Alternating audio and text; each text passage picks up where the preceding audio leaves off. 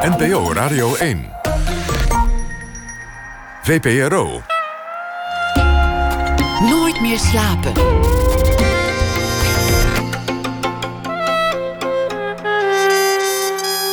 Met Pieter van der Wielen.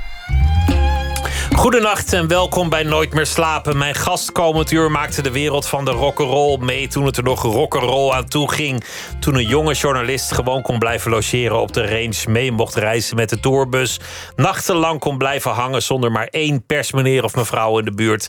Hij sloot vriendschappen, vroeg een geïnterviewde zangeres zelfs ten huwelijk. Ze zei ja, Kortom, professionele distantie had hij niet. En gelukkig maar, anders hadden we al deze mooie verhalen moeten missen.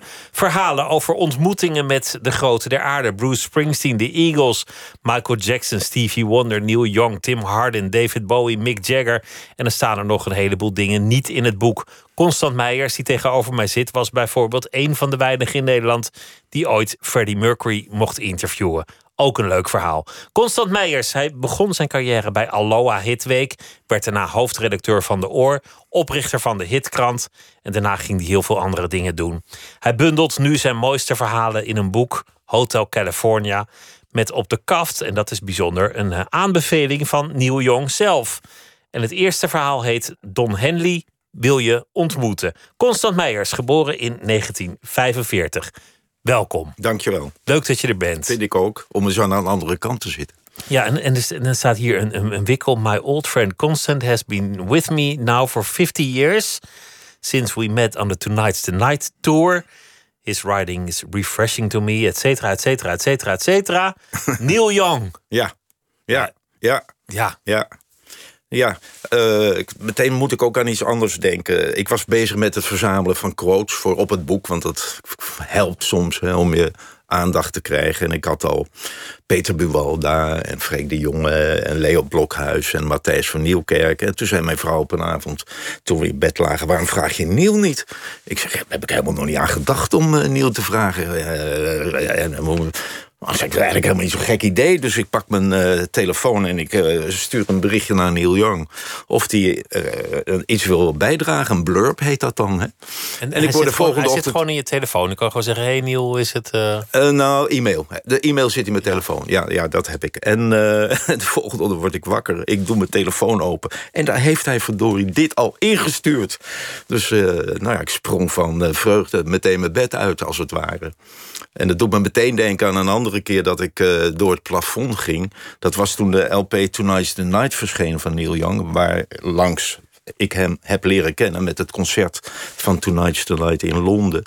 En uh, toen die LP een tijdje later verscheen... met een hoesfoto van mijn fotograaf Gijsbert Hanekroot... haalde ik daar een binnenvel uit, dat klapte ik open... En daar zat mijn verhaal uit oor facsimile op afgedrukt. Gewoon in het Nederlands met de vormgeving van George Nodanus van Oor. En toen dacht ik, wauw, mijn verhaal gaat de hele wereld over... in de hoes van Neil Young's Tonight the Night. Ging, was ook, dat was de editie die ook echt de hele wereld over ging? Ging de hele wereld over, ja. ja. Godsamme, nou. Ja, ja. Dat, en dat, is, is eigenlijk wel een soort, soort vriend van je, kan je wel zeggen. Ja, ja, ja, ja, ja. Als je nou ziet hoe snel hij hierop reageert... en de woorden die hij uh, me toestuurt... dan is het wel een soort vriend. Maar uh, hij belt me nooit op. Eh, zal ik maar zeggen. Het is niet, niet een tweezijdige vriendschap. Uh, ja, eigenlijk door dit weer wel. Eigenlijk was ik verbaasd dat hij me dit stuurde. Uh, vroeger was het helemaal niet zo'n aardige man. En ook onbenaderbaar in principe. Maar elke keer als hij nou komt, dan, dan, dan ontmoet ik hem weer even. Want ik kan nog steeds via het management kaartjes krijgen en backstage passen. En dan zeggen we elkaar goeiedag of dan hebben we even een praatje.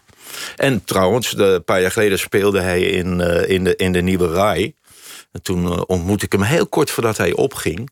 En even later zit hij te vertellen dat hij mij net had ontmoet... en dat ik er nog goed uitzag en dat het leuk was. En toen ging hij vertellen hoe dat verhaal in Tonight's the Night terecht was gekomen. En toen speelde die uh, Baby Mellow My Mind. Dat, tijdens het optreden vertelde hij dat. Ja, ja, ja, dus eigenlijk een liedje aan jou opgedragen. Ja. Wist je dat Jan Kramer ooit een, een blurb via het management heeft gevraagd aan Elvis Presley en nog gekregen ook? Nee, dat wist ik niet. Terwijl, terwijl Elvis geen idee kan hebben gehad wie hij was en dat boek ook niet gelezen kon hebben op dat moment. Nee. Dacht ze, nou ja, ach joh, prima, hier, ja. Uh, leuk boek of zo was het. Ja, kijk, een van, een, oh, een van de aspecten die een rol speelt... is dat je mensen interviewde in een andere taal dan waarin je publiceerde. Waardoor ze niet konden lezen wat jij geschreven had. Precies, want ik, ik was een aantal jaar geleden bij uh, Don Henley uh, in zijn kleedkamer. Uh, ik geloof in Rotterdam toen, of in de Ziggo Dome. En daar liep ook J.D. Souther rond. En toen stelde hij me aan J.D. voor, zei... dit is constant, he has always been good for us. En dan denk je, ja, maar je hebt mijn verhalen nooit gelezen. Dus dan was het misschien toch niet zo gegaan zoals het nu is gegaan. Of zou het management de moeite nemen om ze dat te vertellen? Van, nou. Nee, toen lieten ze dat nog niet vertalen, want dat ging ook helemaal niet zo makkelijk. En, uh, en, en dat heeft er ook mee te maken dat zeker in, in, in de jaren zeventig, toen de wereld van de popmuziek nog niet geïnstitutionaliseerd was. Het was nog eigenlijk een soort wild west. Uh, uh, er waren geen sociale media. Dus als je als artiest uh, uh, gepubliceerd wilde worden, dan had je een, een, popjournalist met een tijdschrift nodig. Dus, dus al vanaf het alle, en juist vanaf het allereerste begin gingen de deuren voor je open. Want toen hadden ze je nog nodig. Toen hadden ze je nodig, toen stond je vooraan en nu sta je, als je geluk hebt, achteraan. Dat is helemaal totaal veranderd. Die ontmoeting met, met eh, Don Henley is eigenlijk ook een beetje de aanleiding om het boek te schrijven. Ja. Je had eigenlijk het idee interviews een keer te bundelen of oude artikelen af te stoffen. En ineens komt er een, een dat vind ik meteen een ontzettend grappig verhaal ook. Een mailtje van het management via via of een berichtje van schiet op, kom hierheen, want Don Henley wil je ontmoeten. Ja, Don Henley wants to say hello to you. Uh, dat was heel wonderlijk, want waarom zou hij dat willen doen? Op zich leuk, want ik kende hem vrij goed, al met tussenpozen niet meer gezien, maar we hebben vroeger toch veel met elkaar opgetrokken en met elkaar gesproken. Dus ik denk, waarom? En waarom belt hij me niet? Of waarom gaat het eerst via Barcelona en dan Los Angeles en dan weer iemand anders? En dan moet ik weer die bellen of word ik door die gebeld of gemaild. Het was een hele, uh, uh, heel circus. Om... Je, je kreeg de hele entourage over je heen. Ja, drie dagen lang zijn ze met me bezig geweest om me daar achter het toneel van, uh, van de Ziggo Dome te krijgen. En ik, ik werd daar opgehaald door iemand. Ik was er naartoe gegaan met een taxi. Ik denk, misschien vraagt hij me nog mee na afloop om nog een biertje te drinken.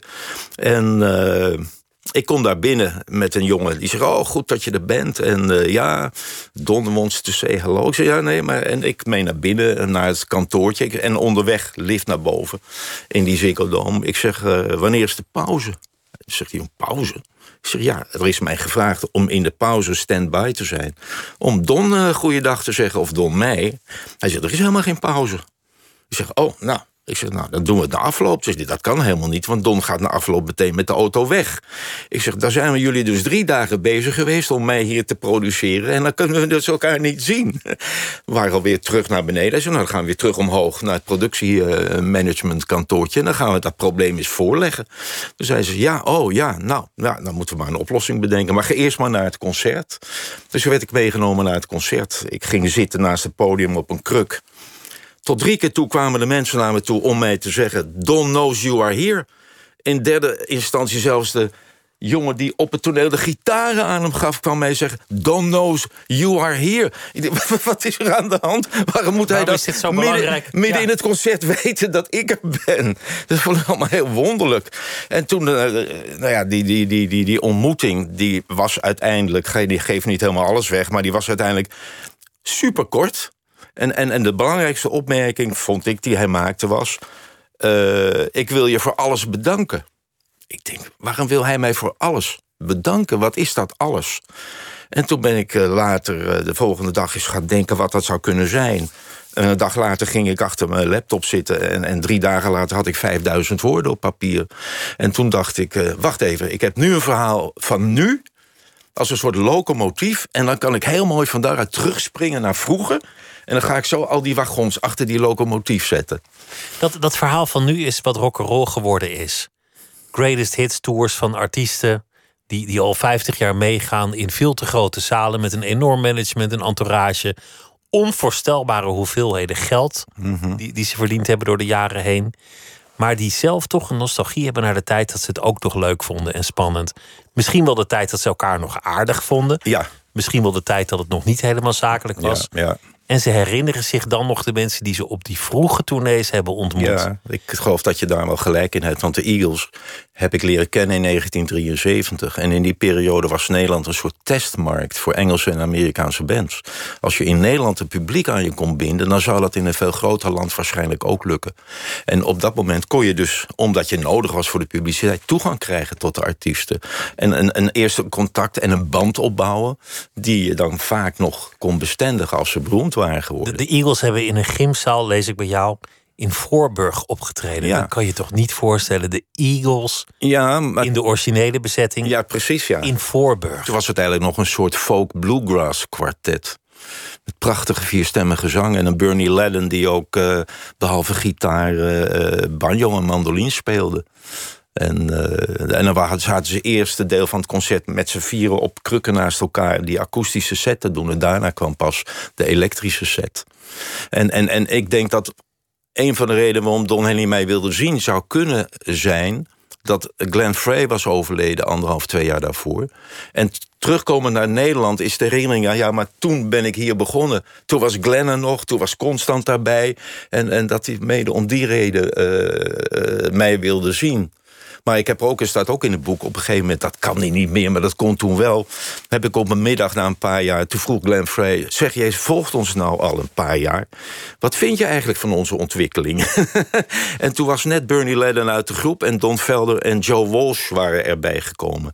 Nou, ik dacht, nou, nou, oké, dan ga ik hem vertellen... Wat ik, eh, hoe ik dat zo heb ervaren door de jaren heen. Nou, je, je maakt hele wiskundige tekeningen Ja, over, met de, tekeningen, over de verhoudingen, ja. de band en de psychologie. Nou ja, ik studeerde ook sociologie, dus... eh, dat kwam- sociologisch schema van de precies. Eagles. En, en, en, en, en iemand vertelde later... het is het eerste echt sociologische verhaal over een rockband wat ik ken. Dus ik heb in een stuk of acht grafische tekeningetjes... de verandering van de positie op het podium van de leden uit de doeken gedaan. En, en daaruit bleek dat Glenn Frey, oorspronkelijk de belangrijkste zanger... die staat er midden voor, dat hij toen Joe Walsh bij de groep was gekomen... en Don Henley steeds belangrijker werd als zanger... want die was uiteindelijk een betere zanger dan Glenn Frey... stond Frey aan de zijkant achter een keyboardje zichzelf groot te houden. En ik dacht, eh, ja, maar dat is wel een hele wonderlijke ontwikkeling. Het is nu geen folk eh, bluegrass groep meer. Het is nu een bijna eh, een hardrockband. Dus toen hij me vroeg, ja, wat zeg je? Wat vind jij nou dat wij moeten doen? Nou, wanneer komt dat nou nog voor? Ik zei, nou, je moet die Joe Walsh er weer uitgooien, joh. Jij, zei gewoon Joe Walsh uit de band. ja, die gooit jou helemaal uit de zijkant. Je moet die Walsh er weer uitgooien. en, en, en, en wat ook een mooie herinnering is... Wel een beetje een ijdel verhaal eigenlijk... maar het is wel een hele eh, cruciale herinnering, gebeurtenis. Iets van 20, 25 jaar later... Ergens in de jaren 90 komen de Eagles in Rotterdam spelen in de Ahoy. En toen had ik een soort nostalgie van... ik wilde ze wel weer eens ontmoeten. Dus ik wist mij achter het podium te krijgen... en eh, bleef daar heel bescheiden aan de zijkant staan. Een bescheidenheid die ik in de jaren 70 helemaal niet had. En Glenn Frey en Don Henley komen de trap af naar beneden... om naar het podium te gaan. En Don ziet mij zo uit een ooghoek staan. En ik, is dat constant? Ben jij constant? Ik zeg ja. Het eerste wat hij zei... We still got the yardstick. Ik still got the yardstick. Ik, ik denk, wat bedoelt hij? Wat bedoelt hij? Nou had ik dus 25 jaar daarvoor... een gesprek met hen gevoerd in een huis in de Hollywood Hills... naar aanleiding van de LP waarop het liedje stond... After the Thrill is Gone. En, en ik kende ze eh, vanuit de fase dat je een publiek moet veroveren naar een fase dat je het publiek al hebt veroverd voordat je bent begonnen. Dus de inzet van mijn gesprek was: wat is nu nog jullie maatstaf om te weten dat je goed bezig bent? Want het applaus komt toch wel. Ook Dat al- komt toch wel. Dus, dus je, je kunt het niet meer afmeten aan je publiek. Je moet iets anders bedenken om eh, je eigen koers in de gaten te houden. En dat hij mij dat 25 jaar later meteen nog komt vertellen. eh, dat dat, dus na, dat, na die ontmoeting twee jaar geleden dacht ik... dat heeft dus allemaal een rol gespeeld dat hij nu tegen mij zegt... ik wil je bedanken voor alles. Het is eigenlijk de, de, de mooiste tijd van de rock'n'roll. En dat zeg ik niet uit een soort boomer nostalgie... omdat dat je zelf toevallig jong was of zo. Want ik was er nog niet eens.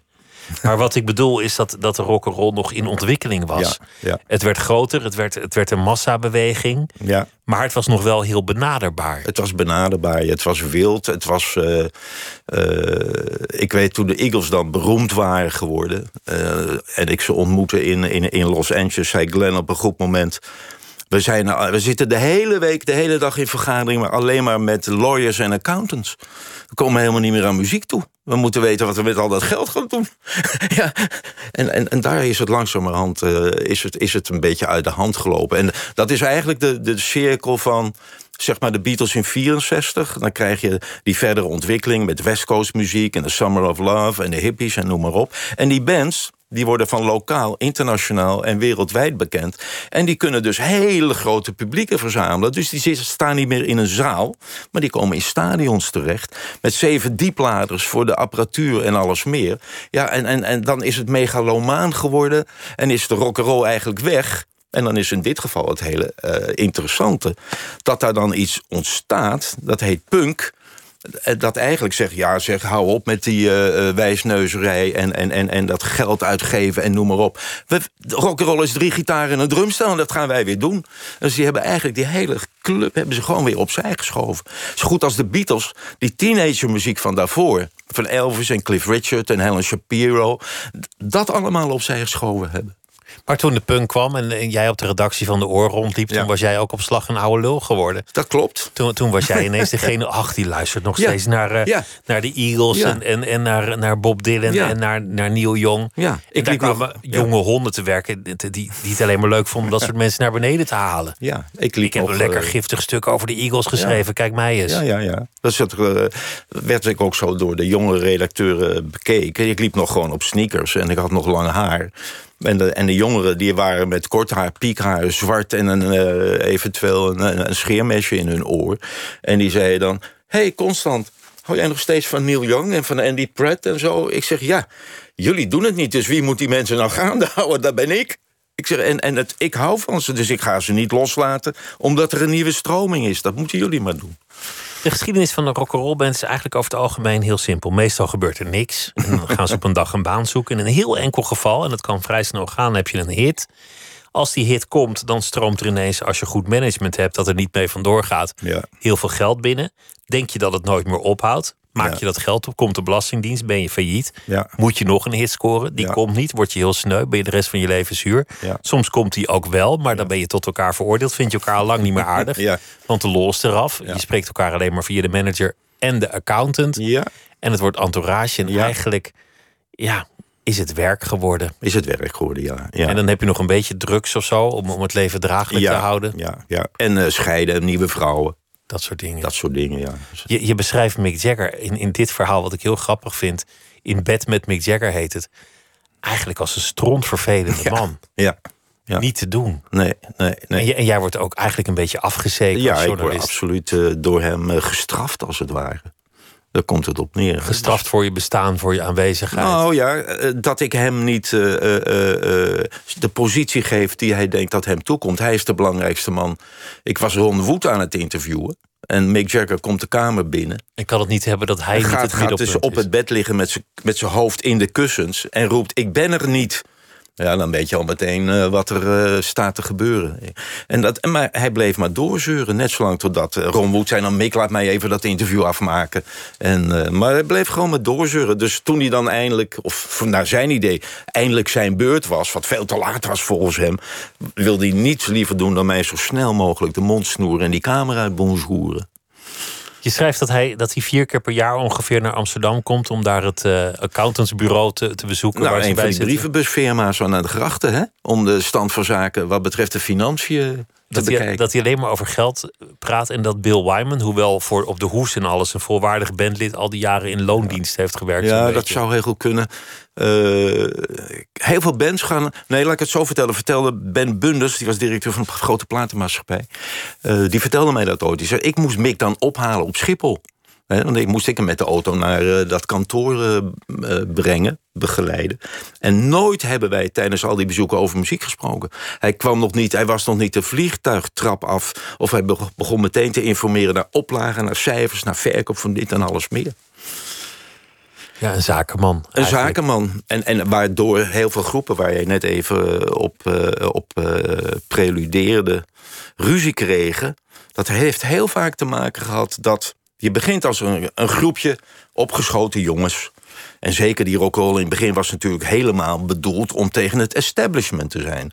He, Mick Jagger, als je nou op internet gaat kijken, schijnt goed te zijn voor 500 miljoen. Maar is dus gewoon begonnen als het was jongeren tegen het establishment. Rock'n'roll was ook, zeker hier in Nederland, uh, de overgang van de geleide jeugdbeweging naar uh, uh, vrije tijdsbesteding door jongeren zonder volwassenen. Ik heb bij Frans Bromet een serie Shake, Red Roll gemaakt... over de geschiedenis van de popcultuur in Nederland. En daar hebben we ook toen Jan Vrijman, de filmer, uh, voor geïnterviewd... voor die overgang van die jeugdbeweging naar uh, de popbandjes. En die zei, ja, maar uh, vroeger was je in die jeugdbeweging... met van die oude mannen met witte benen in Manchesterse broeken... en nu kon je iets doen zonder die volwassenen. Zo is in feite is de jeugdbeweging rondom 1960, 1965 geëxplodeerd in popbandjes. Was dat voor jou ook zo? Was, de, was rock'n'roll het ticket weg van, van je ouders en van de banden? Ja, zeker. Ja, zeker. Ja, is, in is voor mij heel belangrijk geweest. Ik begon op de middelbare school al in een bandje Cliff Richard en de Shadows te imiteren. Want die bandjes vormden zich ook naar... Nou, ik ben Cliff, jij bent uh, Hank B. Marvin... en dan ben jij bent de drummer. En uh, ja, zo was je met elkaar uh, bezig. En dan was jij Henk? Ik was inderdaad uh, Cliff Richard, ja. Oh, Cliff Richard. oh, ik dacht, je hebt een bril. Nee, nee, ja, ja, ja, nee, inderdaad, ja, ja, ja. We heten ook de Spectacles trouwens. In verband met die brillen die we dan hadden. Althans, de meerderheid. En het basvis van ons bandje was Bert Ruiter... die later nog basvis van Focus is geworden trouwens. Kwam het ook tot een conflict met je ouders of viel dat, viel dat wel mee? Nee, viel helemaal niet mee. Nee, ik was heel ongelukkig in mijn jeugd. Uh, mijn ouders hadden hier in Hilversum een uh, kleine winkel... in uh, baby- en kleuterkleding. Wat ik later ook een klerenwinkel ben gaan noemen waar ik nu dan weer wat zachter over kan spreken hoor. Maar, en die hadden een heel groot gezin te onderhouden. Die kregen nadat hun eerste dochter was overleden. Terwijl mijn moeder zwanger van mij was, nog acht kinderen. En uh, mijn vader had uh, zeker eens per jaar een uh, zenuwaanval. Kan ik al die facturen wel betalen? En, en, en, en ja, die waren dus. Mijn ouders waren eigenlijk altijd bang. Volgens mij waren ze ook. Bang dat het ophield, bang dat het geld op was. Geld ophield, bang dat ze ontdekt zouden worden. Want de familie van mijn vader uh, had in de oorlog niet de kant gekozen die wij prefereren. Dus ik heb later me gerealiseerd dat mijn ouders zelfs... dat mijn ouders misschien wel gevlucht waren binnen Nederland... vanuit de plaats Leiden, waar dat allemaal gebeurde. Naar Hilversum, waar misschien niemand ze kende. Dus er lag ook een soort van wonderlijke doem en... en Doe niks wat opvalt. Ga naar de kapper. Best ik, verstikkend klinkt dat, zoals je het Ja, maar toen ik mijn eerste spijkerbroek wilde kopen... zei mijn moeder, dan ga je het huis uit. Want dat deed haar weer denken aan uh, de marsen van de AJC'ers... in de jaren 30 rond de kerk. In hun Manchesterse broeken ook. Uh, ik wilde een keer een autootje kopen met mijn vakantiegeld. Ze zei, dan ga je ook. Wij rijden al jaren op twee mobilets. Ga jij hier een beetje als blaag met een autootje voor de deur staan? En mijn vader, toen ik lange huis zei ook... wil je niet meer via de winkel binnenkomen? Want dat jaagt de klanten weg. Wel graag achterom. Dus... Je bent een keer door de politie thuisgebracht. Ook, ja. ja, ja wat, nou, wat ja, je toen? Ja, ik was uh, heel dwars op een goed moment en uh, bleef ik s'nachts weg. En uh, dan ging dus de politie een keer bellen. Ja, dat is ook gebeurd. Maar ik, ik, ik wilde daar heel graag weg. Het was ook heel katholiek, heel klein katholiek. Het was heel verstikkend. En, uh, ja, nou, en dus die, die, popmuziek die gaf mij al een, uh, een mogelijkheid om eraan te ontsnappen. En was dat meteen Cliff Richard, de, de grote bevrijder? Da, ja, Cliff Richard, kijk, achteraf... De geschiedenis maakt er dan Elvis Presley van, hè? Maar in Europa is het niet begonnen met Elvis Presley. Het is begonnen met Bill Haley. En de film Rock Around the Clock. En het liedje Rock Around the Clock. Die in sommige steden niet vertoond mocht Zo worden. is het. En, en, en ook in sommige steden zonder geluid.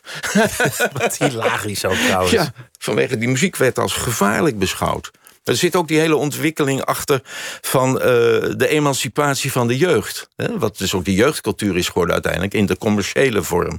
Maar... Uh, uh, uh, zeg maar, op een gegeven moment bij die hele grote loonstijging... was ergens een jaar 60 of 64. 63. Ja, nou, die, toen had de vakbeweging erop aangedrongen... om de lonen van de jongeren niet evenveel te laten stijgen... als de lonen van de volwassenen. En dat noemden ze dat die lonen op pedagogische afstand moesten blijven...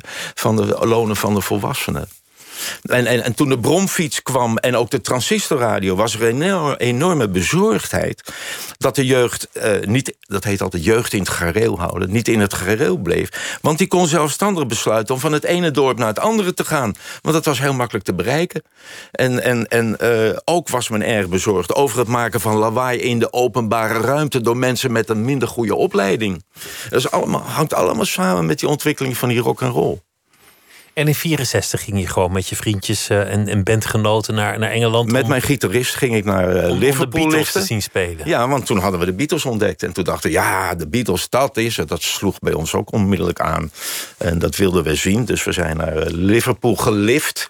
Moest natuurlijk wel met een boot het kanaal over naar de Cavern, waar de Beatles waren. Maar toen we daar waren, hoorden we de Beatles zijn naar Londen verhuisd.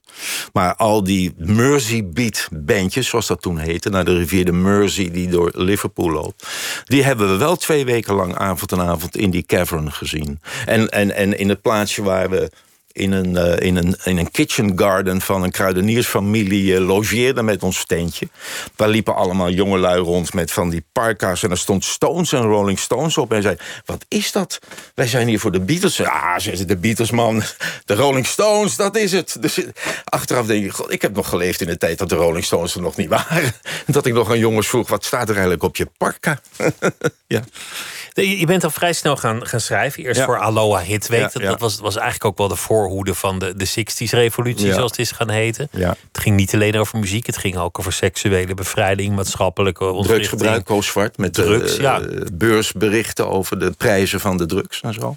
En, en daarna kreeg je de leiding over Oor. En je was echt wel ambitieus. Jouw plan was echt, dit moet het beste ja, muziektijdschrift van Nederland worden. Zonder enige twijfel. Ja, dat had er ook mee te maken dat bij uh, uh, Aloha ik zeg, de oprichter van Oor en Toet was een studievriendje van mij. En uh, die had graag bij Aloha willen komen, maar die mocht af en toe een stukje uh, inleveren. Maar die kwam toch niet verder, kwam niet echt de redactie in. En toen dacht hij, nou, begin ik zelf een blad. Dus die is toen Oor begonnen. 50 jaar geleden, 1971, 1 april. En uh, ja, die, die, die, die, die, daarvan, nee, dat was het. Wij dachten op een goed moment bij Aloha dat Oor enigszins corrupt was. Dat dachten we. Dat mensen betaalden voor artikelen. Precies. Weet je wel, als jij nou daarover een interview uh, schrijft... of met die een interview doet, dan zorgen wij voor advertenties. Dus ik heb daar toen ook een, uh, is een gesprek ontstaan... met Wim Noordhoek en Baran Toet. En dat heb ik toen genotuleerd. Over oorontsteking heb ik dat ook genoemd toen. En, uh, dus daar, daar, maar goed, in die tijd ging het nog zo...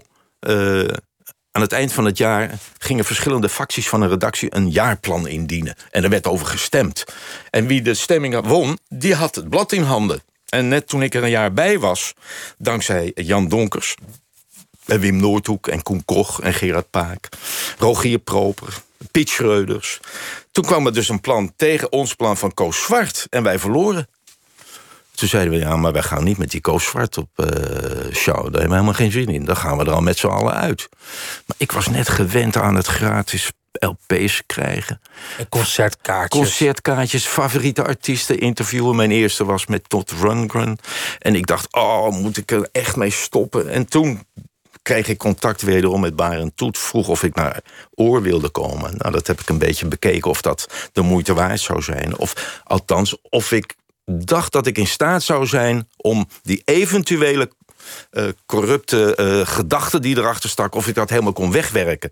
En een van de eerste dingen die ik toen heb gedaan, was een uh, stuk schrijven. Dat heette dan ook Oorontsteking 2. waarin ik voorstelde om de directie en de redactie te splitsen zodat dus niet meer die deals gemaakt konden worden. Wat, wat eigenlijk bij de meeste kranten en tijdschriften gewoon een regel is tegenwoordig. Zo is het. En ik had dus in dat jaar al wel een redelijke opleiding gekregen van die jongens bij, uh, bij Aloha. Hè? Want die zaten al inmiddels bij de VPRO en bij de Vrij Nederland en bij de Haagse Post en noem maar op. Dus ik dacht, nou ja, dat kan niet. Er moet echt een splitsing zijn tussen. En nou, dat is me gelukt. En toen was ik zeg maar de hoofdredacteur. En toen ben ik aan de slag gegaan. Hoe heb je dat eigenlijk gedaan als, als een, een redelijk introverte jongen, wat je oorspronkelijk was, in een, in een bij uitstek extraverte wereld, namelijk de wereld van de popmuziek? Nou, ik weet niet of ik introvert was. Ik had een grote mond, maar daar zat nog weinig bagage achter. Dus ik durfde wel iets te zeggen, maar wist nooit zeker of, of dat ook wel mocht en of dat geaccepteerd zou worden. Ik was heel onzeker, want toen ik van Hilversum naar Amsterdam ging om te studeren, had ik besloten om mijn hele verleden achter me te laten. Dus geen kerk, geen uh, middenstand, niet zus en niet zo. Maar wat je je dan niet realiseert is dat daar niet zomaar iets anders voor in de plaats komt. Van de een op de andere dag. Dat moet je dan eerst bepalen wat dat zou kunnen zijn. En dan moet je dat veroveren en internaliseren. En daar heb ik zeker een jaar of 15 over gedaan. En daar heeft het schrijven bij Aloha en later bij Oor mij enorm mee geholpen. Bij eigenlijk. Want toen, toen kreeg ik ook uh, weerklank. Zei ze, goh, dat stuk over die Jerry O'Pellen, dat is een goede artiest. Ik heb die plaat ook gekocht. En ik dacht, goh, uh, ik ging bestaan in de ogen van anderen. En daarmee ging je zelf ook bestaan. Ja, jouw stijl van schrijven zou je best kunnen omschrijven als wat, wat toen heette New Journalism. Ja, ja. In navolging van Tom Wolfe en uh, ja, en al dat soort mensen. Ja, ja. Dus, dus niet de objectieve journalist die zichzelf niet in het verhaal schrijft. Nee. Niet de nou, meneer die je tijdschrift is, maar, maar juist beschrijven wat je vindt. Juist brutaal zijn en juist beschrijven hoe je in die tourbus belandt. Nou ja, ook vooral op de emotie. Hè? Dat ook met Neil Young is natuurlijk puur emotionaliteit. En daar kon ik me heel goed uh, in verplaatsen. Ten meer omdat ik als jongetje uh, nul succes had bij meisjes. En ik wist niet, wilde nooit met mij, ook niet voor twee zakken knikkers. Dus ik was eigenlijk wat dat betreft een angstige jongen. Maar dat werd gaandeweg, werd dat dan toch omgebouwd naar iets anders.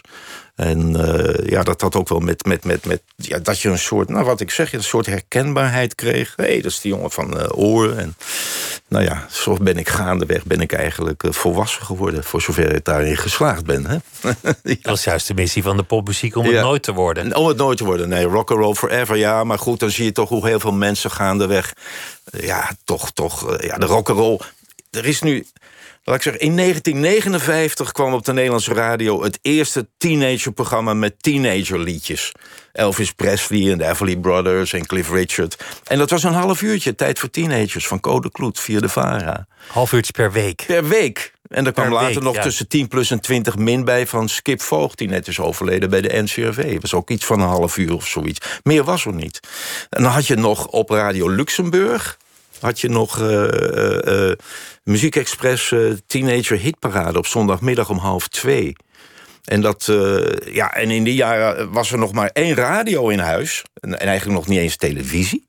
En die radio was van je vader. De stoel van je vader stond naast de radio. Dan wel het radiomeubel. Met daar een pick-upie in. In, de dak, in het dak ging deksel open en dan kon je vader een plaatje draaien. Dus je vader moest om tien over één luisteren naar het nieuws... naar de wereld uh, uh, volgens GBJ Hilterman. Dus wij zaten dan altijd keurig te wachten en te luisteren naar de wereld volgens GBJ Hilterman. En zodra die dan klaar was, hup, dook we op die radio, draai aan die knop naar Radio Luxemburg voor de teenagermuziek. Zo, zo, weinig had je, dus dat koesterde je wat je had. Ja, als je een singeltje had, dan draaide je die honderd keer. Dat draai, ja, en dat was ook... Mijn vader verzamelde wel platen, schellakplaten. En uh, veel Fats Domino en Net Gonella en, en, en, en operettes. En ik weet nog dat toen ik mijn eerste plaatje kocht van Ella Fitzgerald... How High the Moon met op de achterkant Mr. Paganini... en dat mijn moeder trots liet zien... zij in uh, huilen uitbarstte... En mij uh, smeekt om die plaat onmiddellijk terug te brengen naar de winkel. Ella Fitzgerald was al te ja, wild. Ja, en het geld op de, op de zilvervlootspaarrekening te zetten. Zij vond dat geldverspilling. Ze was er helemaal door ontdaan van. Ik zei, ja, maar papa koopt ook steeds een plaat. Dus waarom zou ik niet eens een keer een plaat mogen kopen?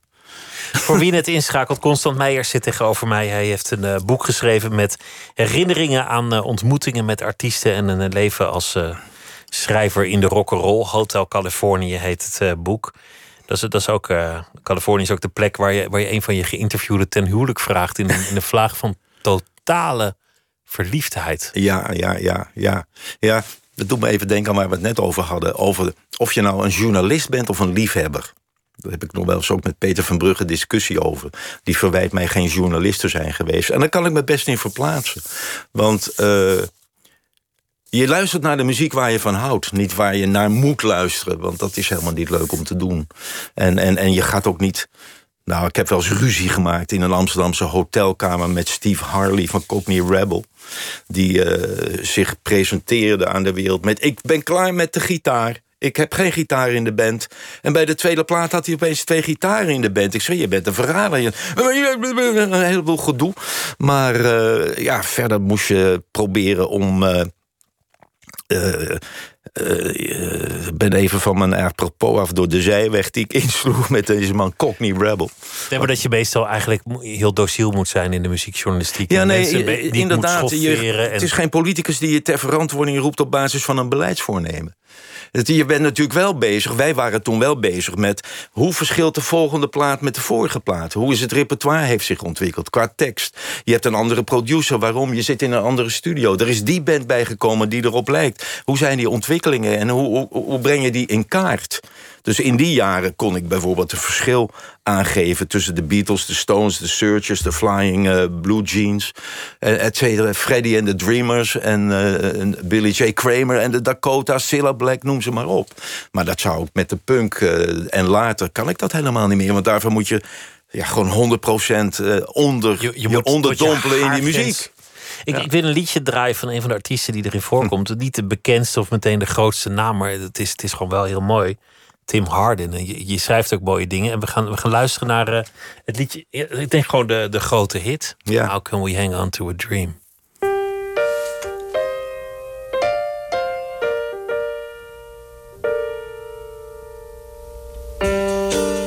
What can I say?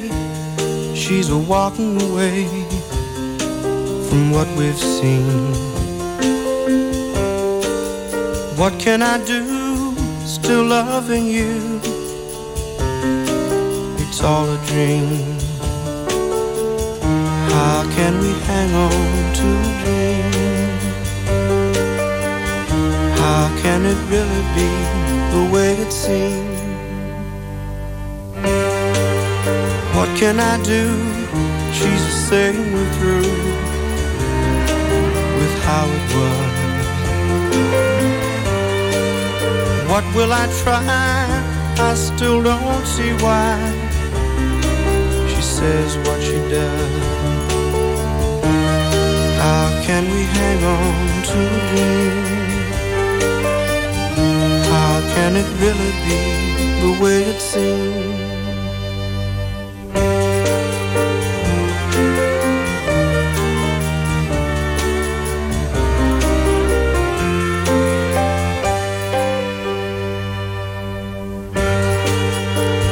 Can I say?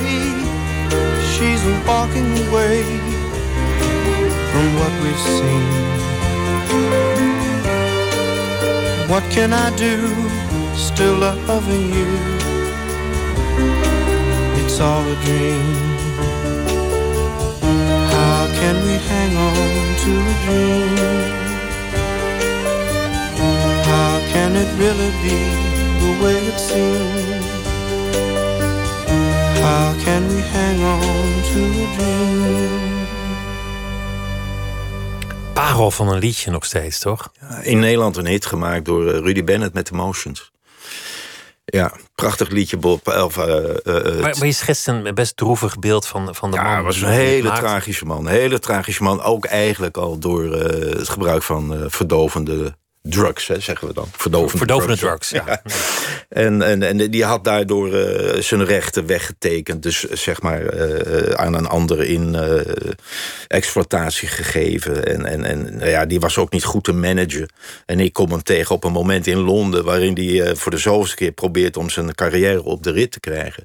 En hij denkt dat hij toch ook nu door de manage, het management waar hij zit... niet serieus wordt genomen. En begint mij enorm proberen over te halen... om een manager voor hem te zoeken. En hij zegt, ik heb nog 24 uur, anders is mijn carrière voorbij. Je moet een manager voor me vinden, want deze mensen deugen niet. Met tranen in zijn ogen en alles. En dan een man die zulke prachtige liedjes heeft geschreven... waarvan ik later eh, eh, alles opnieuw geschreven hebbende... nog eens iets van twee jaar geleden terughaalde... dat Tim Hardin... die heeft liedjes die bijna nooit langer zijn dan twee minuten...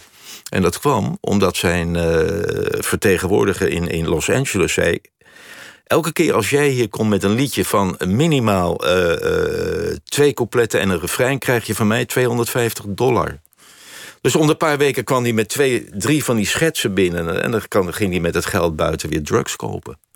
Ach jezus, voor zulke kleine bedragen. Ja. Dat, is, dat is toch ook wel, Ja, ja, ja. is ook wel sneu. Het is, het is werkelijk... je moet nog even het verhaal van je huwelijk vertellen. ja, van Want, want, want, want ik, ik weet kijk, ik maak het nu een grappige anekdote, maar dat was het niet. Nee. Je was knetterverliefd. Je, je, je was bereid alles op te geven naar Amerika te gaan. En Ja, het ik- liep ik- anders. Ik vond Amerika toch ook eigenlijk wel het, eh, het beloofde land op een goed moment. Dus ik dacht, ik wil in Amerika zijn. Omdat ik ook, als ik in Amerika was geweest... dat was af en toe vier weken, vijf weken... achter mensen aan interviewen, concerten bezoeken. Als je dan terugkomt in Nederland... dan heb je een energie waarbij je, waarmee je tien centimeter boven de grond zweeft... de eerste twee weken. En dat vond ik ontzettend aantrekkelijk. Dat ik uitgedaagd werd. Ik moest echt daar iets voor elkaar krijgen. En eh, dus ik, ik had wel zin om naar Amerika te gaan. Ik kom eh, in contact met een eh, debuterende zangeres via een jongen van CBS die, met wie ik bevriend was geraakt. Ik heb een nieuwe artieste. Die heeft nog heel weinig ervaring met interviews. Zou jij haar een keer als sparringpartner willen interviewen? Een beetje ervaring helpen opdoen? Zei, nou, dat is prima.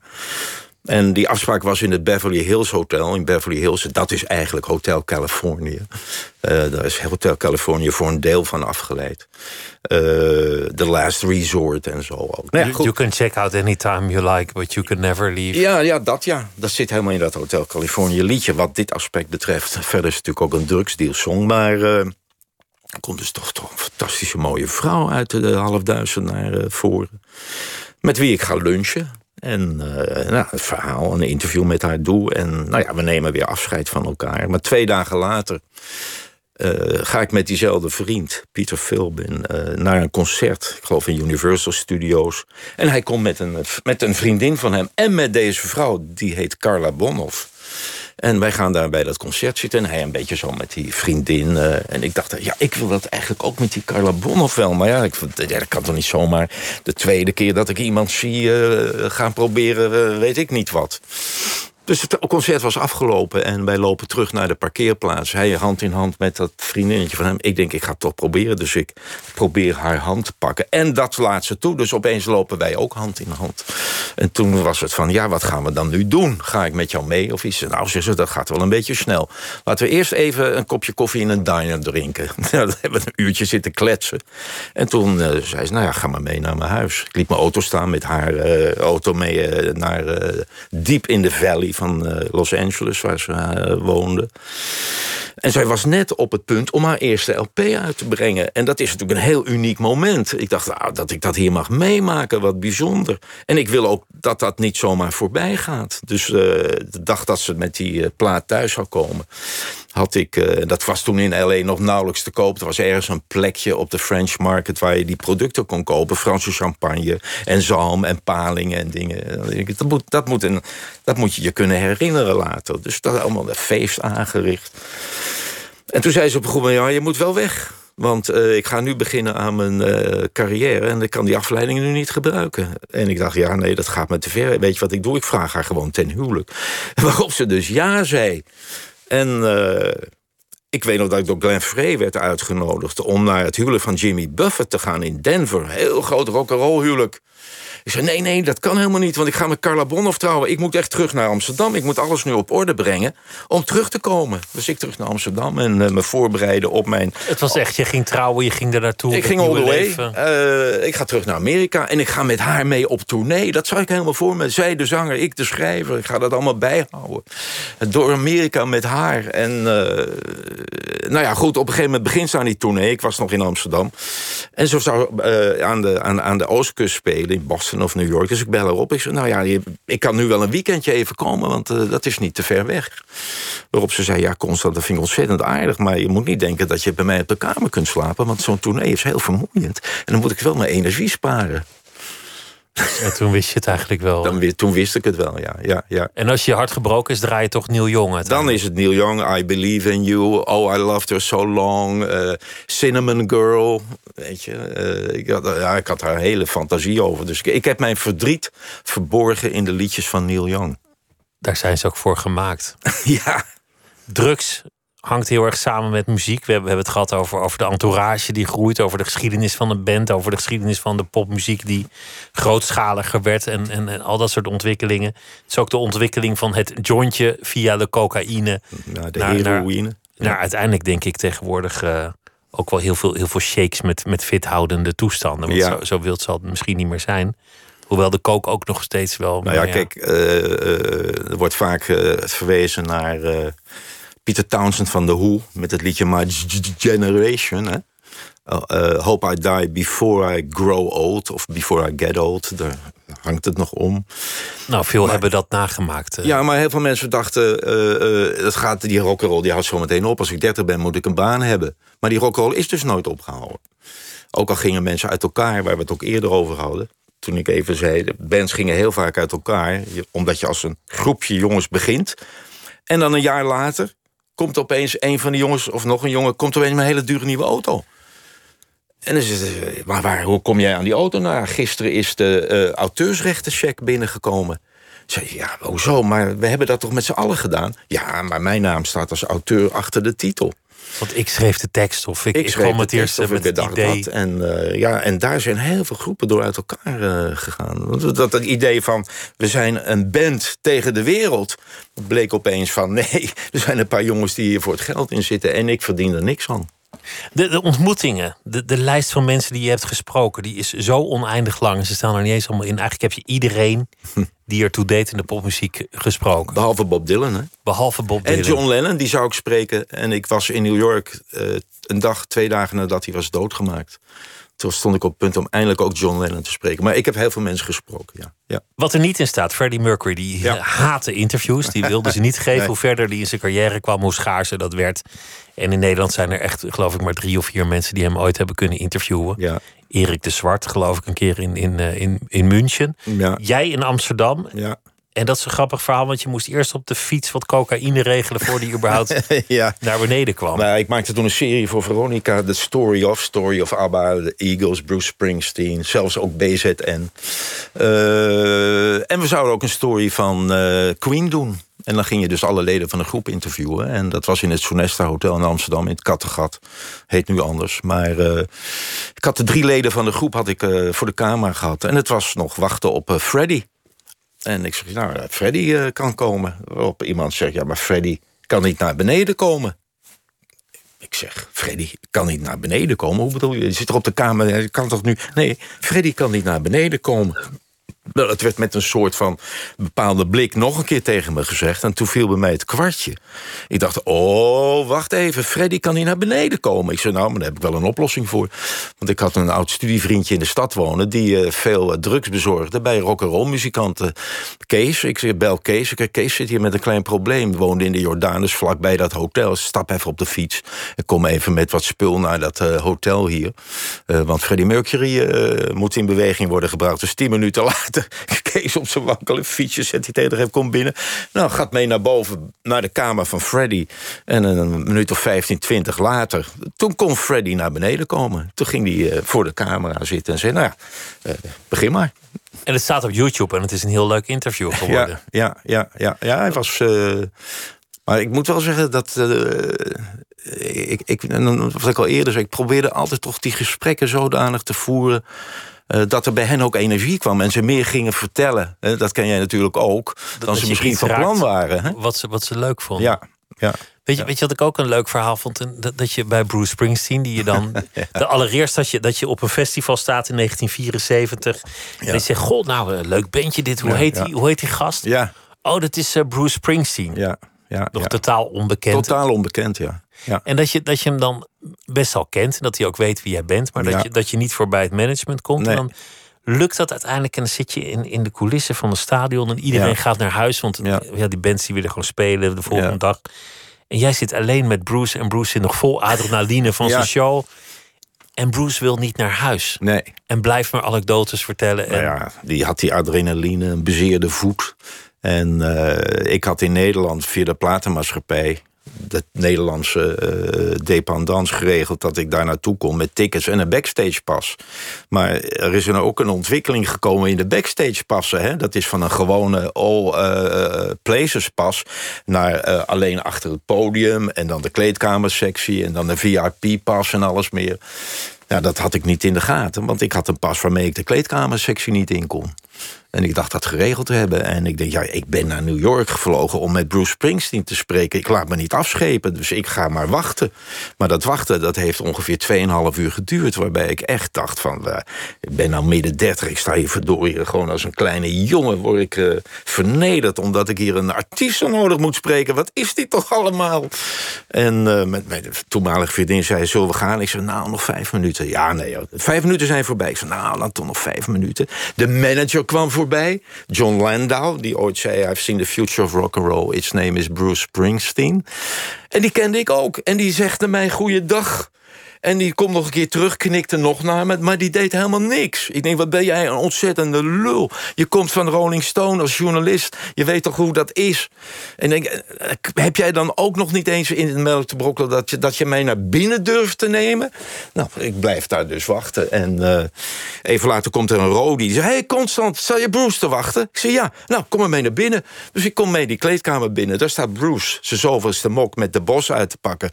En die zegt, waarom heeft niemand mij gezegd gezegd dat jij hier stond te wachten. En even later zegt die manager... ik ben blij dat je het uh, op jezelf voor elkaar hebt gekregen.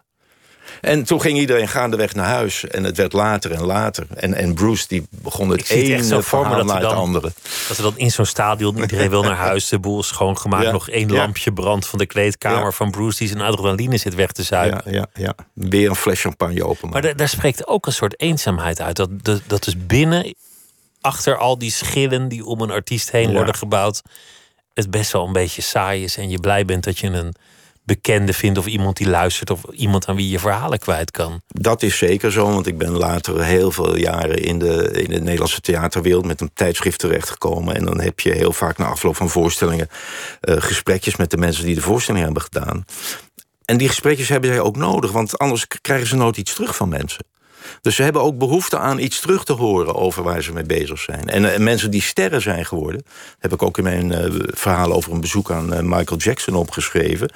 Die kunnen eigenlijk niet meer eye to eye functioneren met, met hun omgeving. Iedereen dus kijkt een, naar ze op. Je, je schrijft over, over Michael, en, en misschien geldt het over alle sterren de ontwikkeling, je persoonlijke ontwikkeling, ja. stagneert op het moment dat Precies. je zo beroemd wordt. Ja, ja. Die dat, leeftijd... mensen je, dat mensen je, jou boven hen uittilt dan ben je niet meer mensen onder de mensen. En die leeftijd zul je altijd houden. En Voor een deel. Sommigen komen er overheen, sommigen niet. Achteraf is dat verhaal wat je over Michael schrijft... en dat, dat, dat signaleer je zelf ook, heel pijnlijk. Toen was de grappige anekdote van hij is een soort kind. Alleen kinderen mogen bij hem in de buurt komen. Ja. Iedereen moet met een piepstemmetje tegen hem praten. Ja, ja, ja. Alsof hij uh, op Stad Neverland door zijn personeel met de hoge stemmen werd benaderd. Alsof hij een kind was. En na afloop uh, terug in uh, Los Angeles. Ik had een vaag idee, want ik kreeg een tas mee met, met, met schrijfwaren. En op die tas en op die schrijfwaren stond een afbeelding van een jongetje in een boom met een maan. Ik dacht, ik ken dat ergens van. Toen ben ik een boekenwinkel ingegaan in Santa Monica. En toen ben ik gaan kijken bij de Peter Pan boeken. En dan heel snel haalde ik een boek tevoorschijn met ongeveer dezelfde afbeelding. Ik denk, dit is het Pieter Pan complex wat hier gaande is. Die wil eeuwig jong zijn, omdat hij ook geestelijk eeuwig jong is.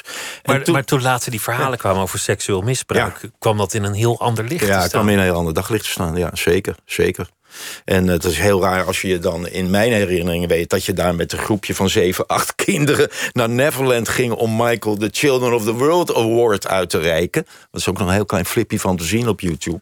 En hij dan dat gaat, namens de Children of the World gaat bedanken... voor het in ontvangst nemen van die trofee. Dan, dan, dan, denk je later wel zo. En, en toen gingen we nog in twee golfkarretjes over zijn terrein rijden... naar, zo'n, naar zijn studio midden op het, uh, op de, in de valley. Aan de ene kant een filmstudio, aan de andere kant een dansstudio... met een bar en spiegels langs de kant. En hij reed dan het wagentje met de kinderen. En binnen de kortste keer ging dat wagentje al over de kop... en zeiden de volwassenen waar ik zat in het autootje, golfkarretje met de vast. Oh, oh, er zijn weer kinderen, daar gaat Michael weer.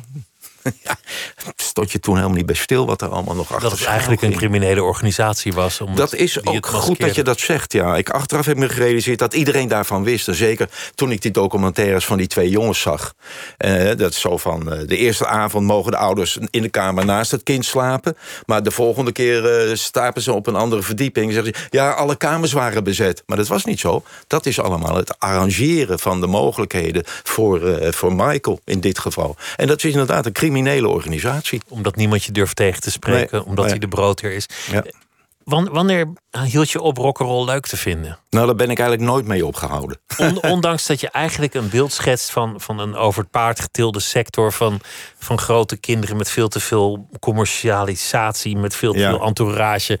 Met, die eigenlijk alles vernedert eromheen, omdat het zulke goden zijn. Ja, maar op een gegeven moment, als je dan ook ouder wordt... dan hoef je niet meer die hele harde muziek en de nieuwste trends te kennen. Dan ga je terug naar wat tegenwoordig Americana heet. En dat is een combinatie van folk en country... en Appalachian Mountain songs... en prachtige tweestemmige zang met Emmylou Harris... en akoestische gitaren. En je gaat verder terug naar de roots van En de je gaat terug naar de roots en je gaat naar Chuck Berry en naar Muddy Waters... en dan denk je, oh, daar komt het allemaal vandaan. Dat Want is ook- verhaal, dat verhaal wat, maar goed, dat moeten mensen zelf lezen Ja. over Chuck Berry. ja, Nou, ik, ik ben van de bank gerold van het lachen. Die, die probeert om de concertpromotor op te lichten. Ja, maar hoe is het toch mogelijk dat een man die zeg maar het format van de rock'n'roll heeft uitgevonden, de teenagersong, de eerste die wist hoe het leven van teenagers zich afspeelde, en die gitaarlik heeft bedacht, dat die man dan naar Nederland komt en een Mercedes probeert te stelen, dan krijg je het toch niet bij elkaar. Ja, ik vind dat, ik vind dat heel erg grappig. Ja, We, we hebben lekker omgekeken. ja. Maar ja, goed, wat kun je doen? Hè? Vooruitkijken, weet jij veel. eh, Lockdown 16, Ja. lockdown 32. Maakt Ja, het allemaal uit, die toekomst. Hè? Dat, lekker, lekker omkijken. Weet je nog van nu eigenlijk dan zo'n eh Adele of zo? Loop je ja, daarvoor ja, warm? min of, meer. En daar hoor ik wel eens iets over. Ga je dan, of- ga je dan eh, nog de- je bed uit? Of? het jonge meisje met de groene haar. En eh, weet je wel, dat is ook, eh, hoe heet ze nou? Jij weet misschien wel hoe ze Ja, ja, maar maakt niet precies. Maar daar luister ik dan wel naar. Maar ah, kijk, op een goed moment, het zijn drie akkoorden, hè, misschien een keer vier. En het is wonderbaarlijk hoe mensen dan toch met die akkoorden nog weer iets heel nieuws kunnen bedenken. Zoals ik ooit hoorde bij Bonnie Prince Billy bijvoorbeeld, val ik toch weer van mijn stoel. Maar op een gegeven moment hoor je in alles ook heel veel terug. En dan denk je, ja, heel leuk en leuk eh, naar voren gebracht. Maar ik val daar niet meer van, van mijn stoel. Dus dat hoef ik dan niet meer echt op te zetten. En mijn hoofd zit ook zo vol muziek. Kijk, als ik thuis ben overdag, zet ik vaak eh, op de Ziggo Box zet ik de- het kanaal eh, met de bluesmuziek eh, op. Lekker de hele dag die bluesgitaren en eh, al die zangers horen. En soms ga, schakel ik een eh, kanaaltje verder naar 60s en 50s rock and roll. En dan hoor ik de Everly Brothers en Chuck Berry en al die muziek. Dat is ook de muziek toch eigenlijk van mijn vroege jeugd. En die muziek laat nooit iemand los. Dus als mensen nu zeggen, jij had het vroeger veel leuker dan wij. Zeg, nee, maar jij hebt in jouw jeugd wat jij meemaakte... en wat je nooit meer zult vergeten. Maar nu is het veel gedifferentieerder. Je hebt, je hebt genres en die luisteren niet Ja. naar elkaars muziek. En eh, je, je houdt van gitaar of van hip-hop. Toen had je nog echt een mainstream. Mensen werden met elkaars muziek geconfronteerd. Wat een Ja. verschil maakt. En het was de ontwikkeling van de rock'n'roll. Je kon dichtbij komen. Dat is Ja. nu al vrij snel voorbij met, met Ja. artiesten. Dus, dus dat maakt het leuk. Je moet gewoon nog zo'n boek schrijven, joh. Nou, eh, als jij het wilt. Ja, dan wil er vast toch wel iemand het. Ja. Het boek heet Hotel Californië. Constant Meijers, dankjewel. Het was eh, heerlijk om naar je te luisteren. En dit was Nooit meer slapen voor vannacht. Morgen dan is eh, Monique Hendricks te gast. Naar aanleiding van een nieuwe film die ze heeft gemaakt. En zometeen op deze zender Miss Podcast. Goeienacht. Tot morgen.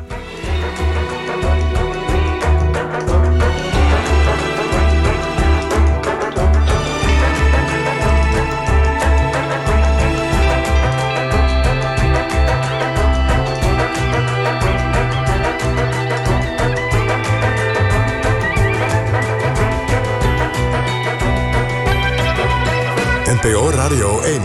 Wie luistert, weet meer. NPO Radio 1.